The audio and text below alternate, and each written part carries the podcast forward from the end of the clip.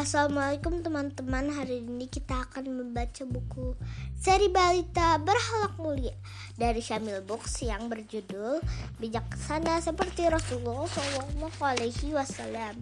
Saat berdakwah banyak yang sakiti Rasulullah Wasallam. Malaikat pun datang menghampirinya.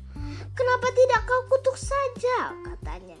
Tidak Rasulullah Wasallam berkata diutus sebagai rahmat bagi alam semesta.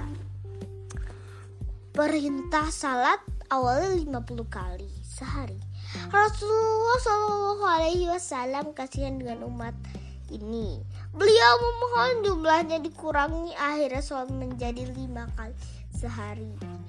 Nabi didatangi Yahudi penagih utang. Sikapnya kasar hingga Umar berang. Rasulullah Shallallahu Alaihi Wasallam bijak dan tenang.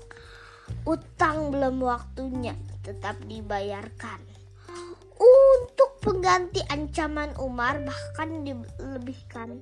Ternyata si Yahudi hanya memberi ujian, ia masuk Islam penuh keyakinan. Ada Badui tak tahu diri, mak masuk masjid dan mengencingi para sahabat bangkit hendak memarahi biarkan dia selesaikan hajatnya juga Nabi setelah itu beliau minta bekasnya disirami. Seorang petugas zakat menghadap Rasulullah Shallallahu Alaihi Wasallam. Ini bagianku katanya. Ini hadiah Rasulullah Shallallahu Alaihi Wasallam menasihatinya dalam khutbah. Apakah kalau ia ia di rumah saja akan mendapat hadiah, petugas itu pun sadar ia salah. Saat itu bulan Ramadan Rasulullah SAW dan sahabat melakukan perjalanan karena jauh dan melelahkan. Banyak yang pingsan. Rasulullah SAW pun berpesan, berbukalah selama perjalanan. Menjelang futuh, maka ribuan pasukan Nabi berhenti. Penduduk Mekah takut tak terperi. Maka bersabda Nabi, yang masuk yang masuk Masjidil Haram akan dilindungi, yang masuk rumah Abu Sufyan akan diampuni. Penduduk Mekah pun lega tidak takut.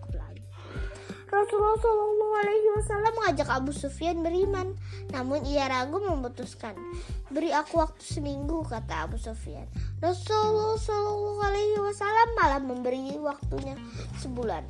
Menjelang sebuah peperangan, para sahabat kebingungan. Tiba waktunya salat ditegakkan. Segera Rasulullah Shallallahu Alaihi Wasallam pun perintahkan untuk sholat bergantian. Ada pengemis datang meminta-minta. Rasulullah Shallallahu Alaihi Wasallam bertanya, apa yang kamu punya?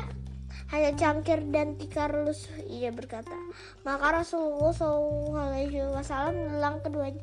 Hasilnya dibelikan kapak agar ia bisa kerja dan tidak lagi meminta-minta. Demikian kisah hari ini. Semoga kita semua dapat mendeladani sifat Rasulullah Shallallahu Alaihi Wasallam. Terima kasih sudah mendengarkan. Wassalamualaikum warahmatullahi wabarakatuh.